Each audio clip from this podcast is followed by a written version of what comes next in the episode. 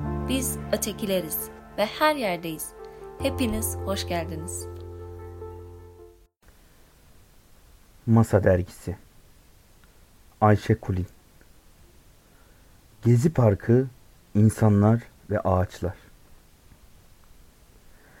Yine kimleri dikizliyorsun? diye sordu ıhlamur ağacı çınar ağacına. Yaprakları uzatmışsın ileriye doğru. Civar evlerdeki televizyonları dikizliyorum. Dün gece televizyona çekildin diye kendini görmeyi mi bekliyorsun ekranda? diye lafa girdi az ilerideki Söğüt. Ben sen miyim? Sadece dün akşamki olayların haberlere nasıl yansıdığını merak ettim ben. Nasıl yansımış? Hiç yansımamış. Sabahın erken saatlerinden beri görebildiğim tüm televizyonları takip ettim.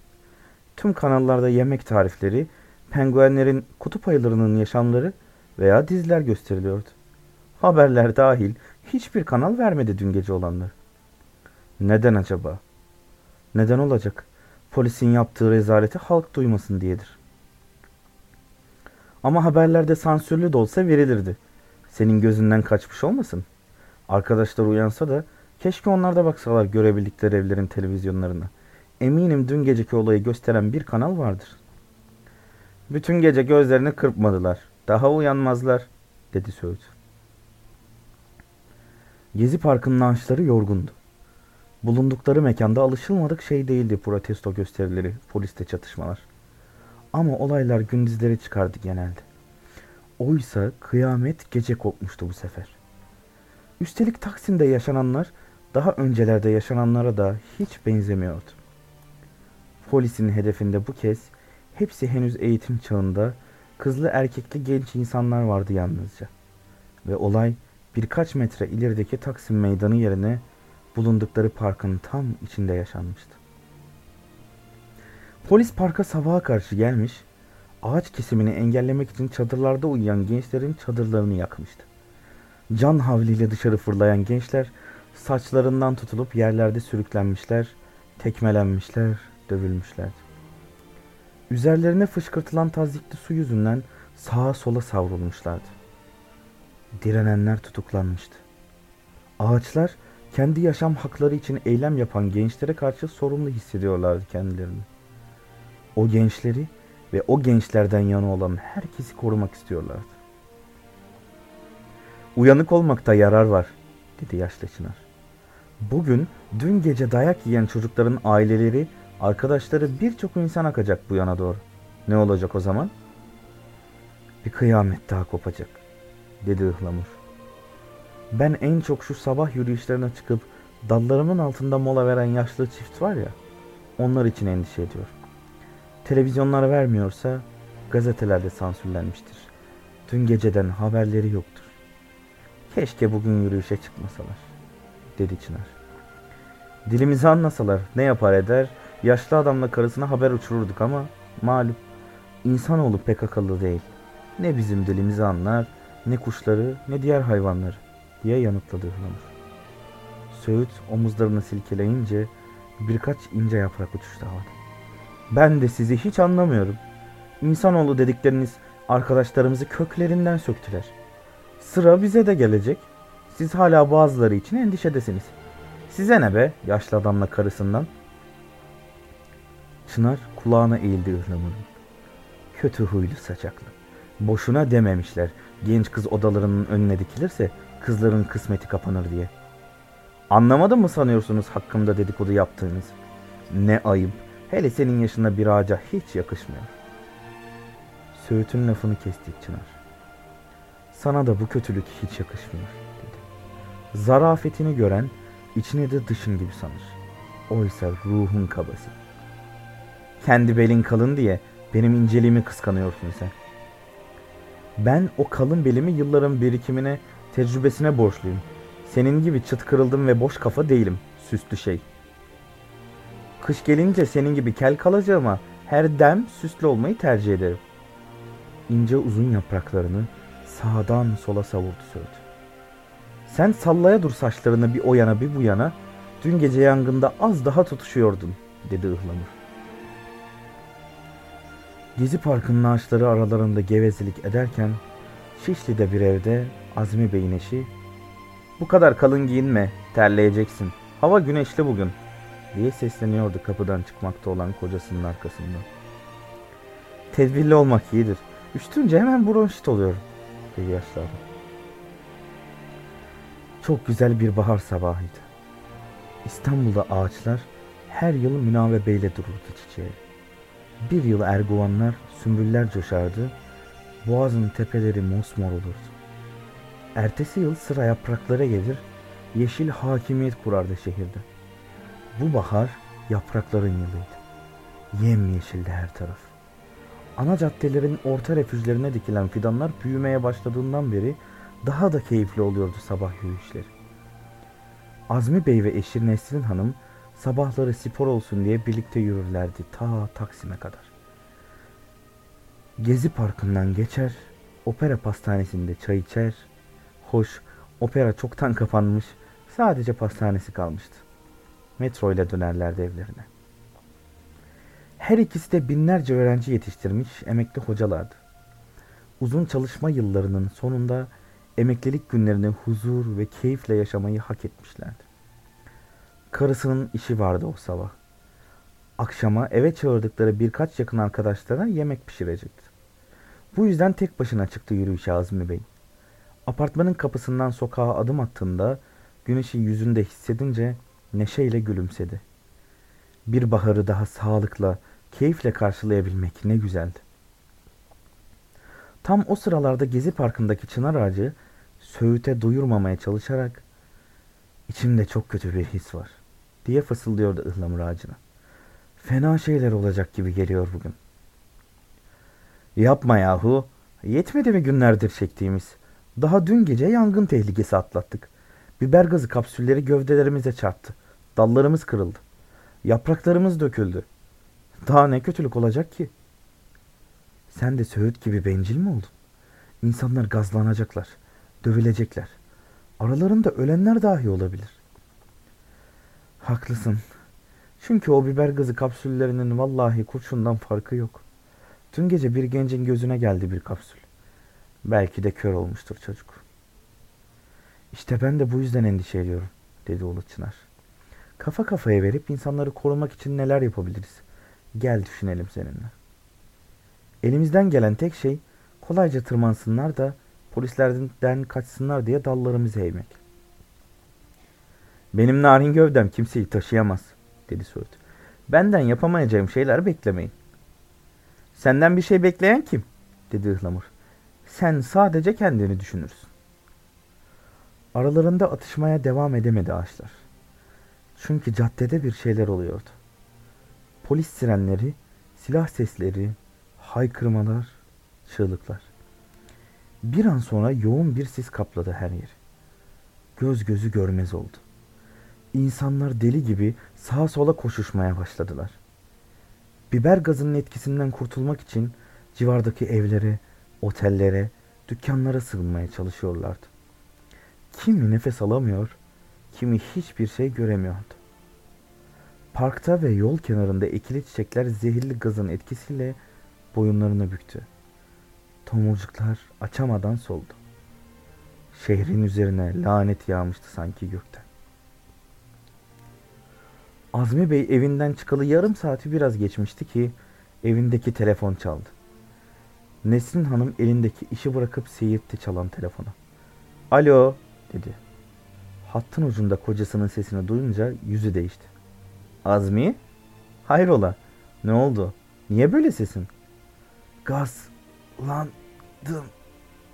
Sabah sabah ne yedin de gazlandın? Yine soğuk süt içtin değil mi benden gizli? Ben sana buzdolabından çıkardığın sütü ılıtmadan içme boşuna mı diyorum? Soğuk süt gaz yapıyor. Gazlandım. Gazlandım. Sütten işte. Azmi, sesine ne oldu senin? Nesrin, polis, biber gazı sıktı. Ne? Hastanedeyim ben. Aman Allah'ım. Azmi, Azmi. Alo, alo. Kimsiniz siz? Kocam nerede? Ne yaptınız ona? Ben Doktor Vural. Şişli İftal Hastanesi acil servisinden arıyorum. Kocanız nefes almakta zorlandığı için konuşamıyor. Mecburen müdahale edeceğiz ama Önce birkaç sorun var size. Doktor bey, kalp krizi mi geçirdik hocam? Yoksa beyin kanaması mı? Hiçbiri değil ama durum ciddi. Hemen geliyor. Durun durun. Hanımefendi önce beni yanıtlayın. Bana genel sağlık durumu ile ilgili bilgi verin. Sürekli kullandığı ilaçlar neler?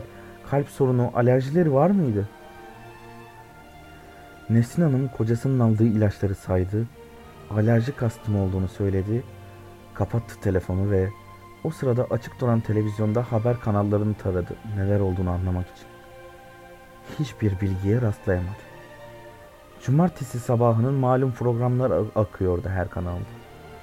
Yatak odasına koştu, eline ilk geçen eteği ve bluzu giydi. Yatak odasındaki çekmecede sakladığı paraları çantasına attı. Aceleden çorabını giymeyi unutarak ayakkabılarını çıplak ayaklarına geçirdi, fırladı evlere. Birkaç basamak inince durdu. Eve geri döndü. Ocaktaki yemeğin altını kapatıp yeniden çıktı. Merdivenlerden inerken düşünüyordu. Acaba kocası yolda düşüp başını mı vurmuştu da polis tarafından gazlandığını zannediyordu. Ağlamamak için kendini zor tutarak sokakta taksi arandı. Ne tuhaf. Taksi kalmamıştı ortalıkta. Hastane çok uzak değildi. Hızlı hızlı yürüdü hastaneye doğru. Acil servis ana baba günüydü. Doktorlar telaşla koşturuyor, kimseyi cevaplamaya vakit ayıramıyorlardı. Bir hasta bakıcıdan kocasına nefes alamadığı için müdahale gerektiğini, bu yüzden ameliyathaneye götürüldüğünü öğrendi. Oturacak yer yoktu. Duvara yaslanmış beklerken yanına bir delikanlı geldi. Siz o beyaz saçlı beyin eşisiniz değil mi? Azmi Bey. Sizi hemşireyle konuşurken duydum da. E- evet, dedi şaşkınlıkla. Eşinizi ben getirdim hastaneye. Kalp krizi mi geçirdi? Fenalaştı mı? Hayır efendim. Şöyle oldu.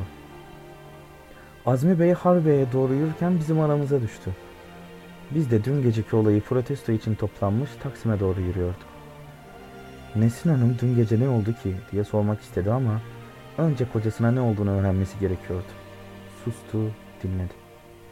Yüz kişi kadardık. Başbakan istifa diye bağırıyorduk. Eşiniz bana niye bağırdığımızı sordu, anlattım. Dün çadırları yakılan çocukların arasında benim de kardeşim vardı. Aileler dün geceki şiddeti protesto için burada toplanmışlardı. Tam o sırada 100 metre kadar ileride mevzilenmiş tomalardan birkaçı bize doğru hareket etti. Hepimiz ne olacağını bildiğimizden kaçıştık.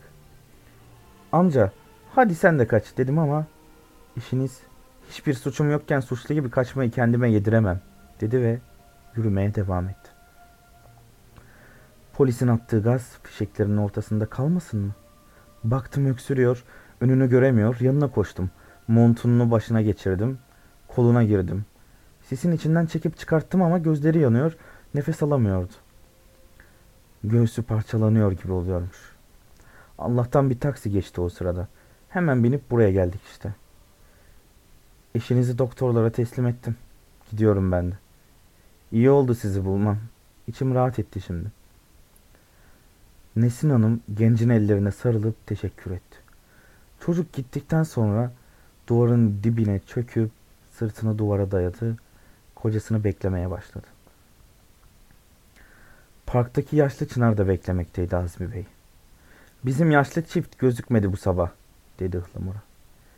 Herhalde yollardaki polis kordonları görünce geri dönmüşlerdir, dedi Ihlamur. Ihlamur da çınar gibi severdi onları. Parka gelenler arasında ağaçtan anlayan, doğa sevgisi olan ender insanlardandılar. Yaşlı adam çiçekleri koparan çocukları uyarır, yerlere saçılmış boş içecek kutularını, sigara paketlerini toplar, çöp kutularına atardı. Karısı ellerine kirlettiği için azıcık söylenirdi ama o da adeta gözleriyle okşardı ağaçları.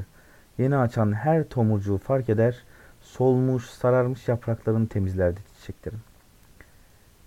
Belki de kendileri gibi görmüş geçirmiş oldukları için seviyorlardı onlar. Belki daha geç gelirler. Bugün gelmezlerse yarın mutlaka gelirler, dedi Çınar. Oysa ne o gün ne de ertesi gün geleceklerdi.